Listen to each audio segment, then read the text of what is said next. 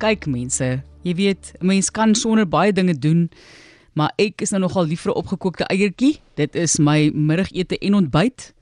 En ek is ook maar een van daai mense wat gespring het en dadelik vir my twee pakke eiers gekoop het toe ek nou hoor van hierdie krisis en 'n mens lag nou daaroor, jy weet, dit is so klein perspektief gegee hoe groot die probleem regtig is tans. Ons praat oor die hoenderbedryf en voelgriep. Isak Breitenberg is die algemene bestuurder van die broilers organisasie. Hy is ook verbonde aan Pluimvee Suid-Afrika.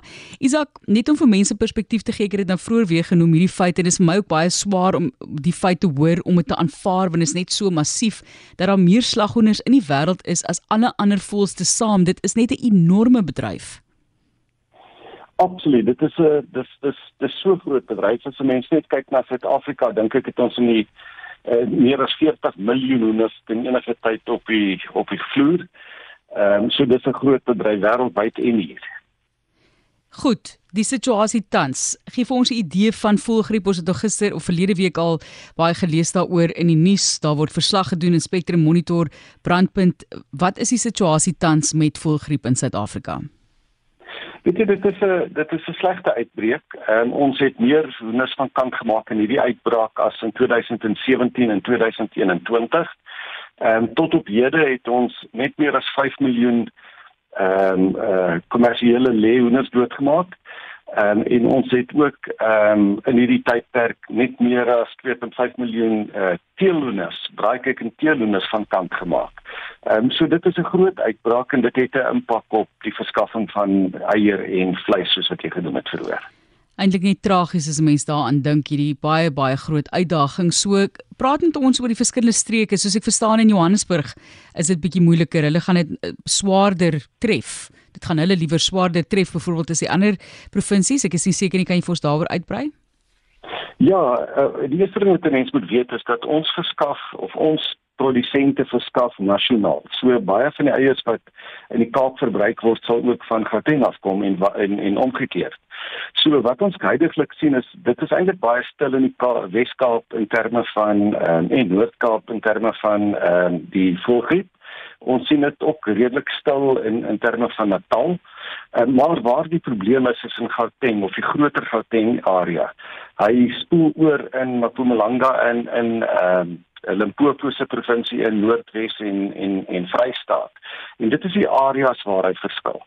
En wat mense ook na agteneem is dat die virus wat ons in die Wes-Kaap en Natal het, is die H5 stam. En hy is stil. Wat ons hierbo het is die H7 stam en dit is 'n stam wat van lae uh, voelgriep afgemuteer het na hoogpatogenies wat net beteken hy maak hoenders dood. Nou hoogpatogeniese voelgriep en dit is hierdie voelgriep wat versprei in hierdie groter Gauteng uh, area. Wat is die impak op die bedryf voordat ons nou kom by wat die verbruiker kan verwag?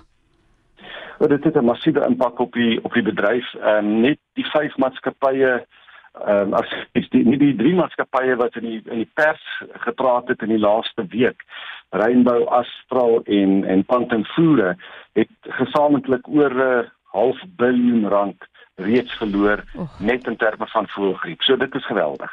En die verbruiker, wat kan ons nou verwag? Jy weet, ek ek wil amper sê ons is eintlik nou 'n baie klein deel van hierdie probleem, maar jy kry baie verbruikers wat ek gebruik maar altyd die voorbeeld koekies bak en koekbak by die huis en op so 'n manier inkomste genereer. Jy het die kleiner besighede wat ook baie swaar gaan kry jy ek dink mense kan die verbruiker gerusstel dat daar gaan nie niks niks eiers en niks vleis op die op die rak wees nie. Daar gaan wel 'n tekort wees of 'n kort ons gaan kort wees op eiers soos wat ons reeds het en ons voorspel ook dat daar 'n tekort gaan wees aan hoendervleis uh, net soos wat ons hier sit. Maar dit gaan nie 'n uh, katastrofiese uh, omvang afneem uh, uh, ja afneem nie. Ehm um, dit sal beheerbaar wees en daar is goed wat ons doen om dit te probeer aanspreek. Met kommersiële lê eiers baie moeiliker. Mense kan dit nie invoer nie want dit moet met 'n skip beskep in kom skepe en en dan vat dit 6 tot 9 weke en dan se eiers uit. So ons het nie regtig daar 'n oplossing nie, maar aan die braaikykingkant is daar invoere deur invoeders wat ons verwag gaan materiaal styg om die om die tekort op te op te maak en dan voer die industrie ook in 'n omgewing van 11.5 miljoen uh, uh bevrugte eiers in wat ons kan gebruik om weer braaikuikens te produseer. En dit sal help om die tekorte aan te vul. Gaan daar enigsins 'n effek wees op prys? daar gaan 'n effek wees op pryse ongelukkig. Um, ons het reeds gesien dat veral op die uh, eierkant die die pryse reeds op is en ons sou verwag dat ehm um, dat ons gaan 'n prysstyging sien in in die prys van ehm um, van uh, vleis ook. Maar mense moet ook in ag neem dat ons ons het baie groot seisoenskommelinge per jaar in terme van die die verbruik van hoender en die pryse van hoender. So in die winter gebruik ons baie verbruik ons baie min hoendervleis um, en pryse uh, neig om laag te wees in die winter en dan van ongeveer September tot Desember dan gaan die pryse weer op en die verbruik van hoender gaan op. So ehm um, daar's 'n ek wil amper dit noem 'n normale stygings in prys wat ons verwag en dan is daar die voëlgriep wat dit wat dit kan opstoot. Daar is die interessantheid van bevrugte eiers byvoorbeeld wat julle nou ook gebruik en wat ingevoer gaan word. Van waar kom dit en hoe werk daai proses proses om dan nou, jy weet, 'n hoender te bevrug en daai eiers te ontgin? Die enigste beperking in terme van invoere wat ons het op hierdie bevrugte eiers is ons, ons kan net van lande wat nie uh voelgriep het nie invoer, byvoorbeeld Brazil, Amerika, uh het 'n klomp state wat negatief is en dan is daar so twee lande in ehm um, in die Europese Unie wat negatief is en ons kan ook van um, Argentinië af invoer. So daar's genoeg uh areas waar mense kan broeieiers koop. Nou wat gebeur is dat ons koop hierdie bevrugte broeieiers, ons voer hulle in na Suid-Afrika toe. Ehm um, ons sit hulle in 'n in 'n broeimasjien en die die eiers broei uit en dan het ons 'n braaikuiking. En daai braaikuikings maak ons dan groot vir ongeveer 5 weke en en ons slag hulle.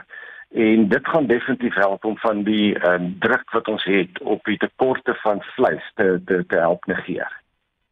Iemand sê nou hierso ja, die 18 eiers verdubbel in prys kos R72 publiek sal boikot. Dit kom daarvan Gauteng. Ja, dit is maar 'n bestanddeel wat baie mense nodig het vir verskillende produkte die toekoms. Ek het iets gelees van 4 maande van onsekerheid in terme van wat beskikbaar gaan wees en so aan. Wat is julle verwagting en en tydperiode? Weet jy, dit is eintlik 'n maklike som om te maak of 'n bepaling om te maak. En dit is dat um, ons moet al die hoenders wat uh, van kant gemaak is, moet ons weer plaas. En uh, hierdie siekte beïnvloed net langlewe hoenders. So hierdie hoenders gaan dan omtrent 6 maande vat om groot te word en dan begin hulle die eiers lê. En en ons het normale produksie van dan af.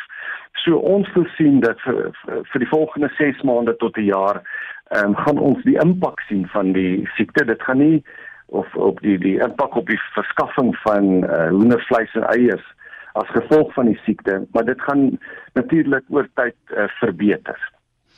Baie dankie. Ons hoop dit gaan verbeter en sal die regering enigstens betrokke raak, Isak, by die regulering van prys?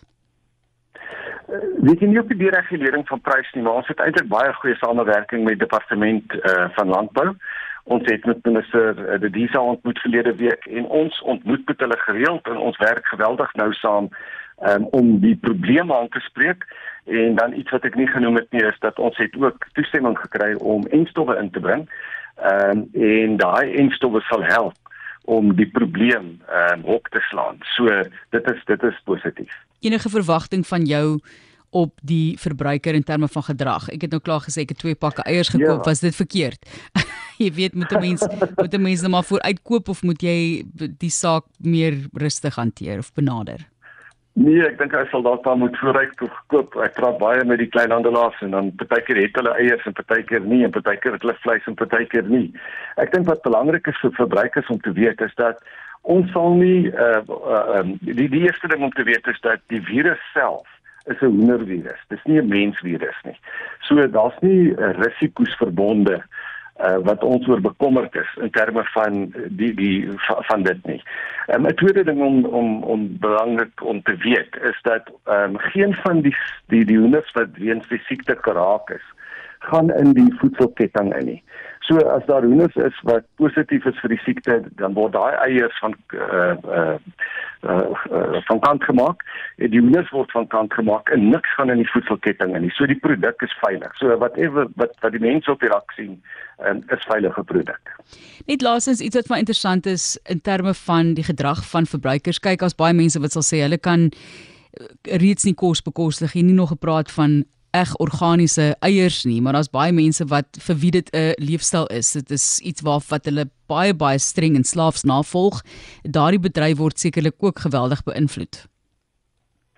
Absoluut. En ons verbruikers is is is baie goed geskool. En wanneer ons hierdie tipe probleme in die mark ervaar, dan sal ons sien dat mense uh, skuif van wat hulle pro, die produkte wat hulle koop na ander produkte. Byvoorbeeld jy sal jy sal mense hê wat ehm um, binne in porsies koop en terwyl daar uh, genoeg is en die pryse laag is, soos die pryse opgaan, sal hulle dan byvoorbeeld hierdie ehm um, uh, IQF, daar's net 'n Engelse naam vir dit, individually quick frozen produkte koop wat goedkoper is. En dan as dit as dit nog taaier raak in die mark, dan sien ons dat mense gebruik byvoorbeeld ehm um, uh, produkte soos wat ons noem rooi afval. Dit sal wees soos lewer en niertjies en in desserts um, en daai tipe produkte. So ons sien dat mense binne die hoender raamwerk uh, hulle voorkeure verskuif soos wat pryse op en af gaan.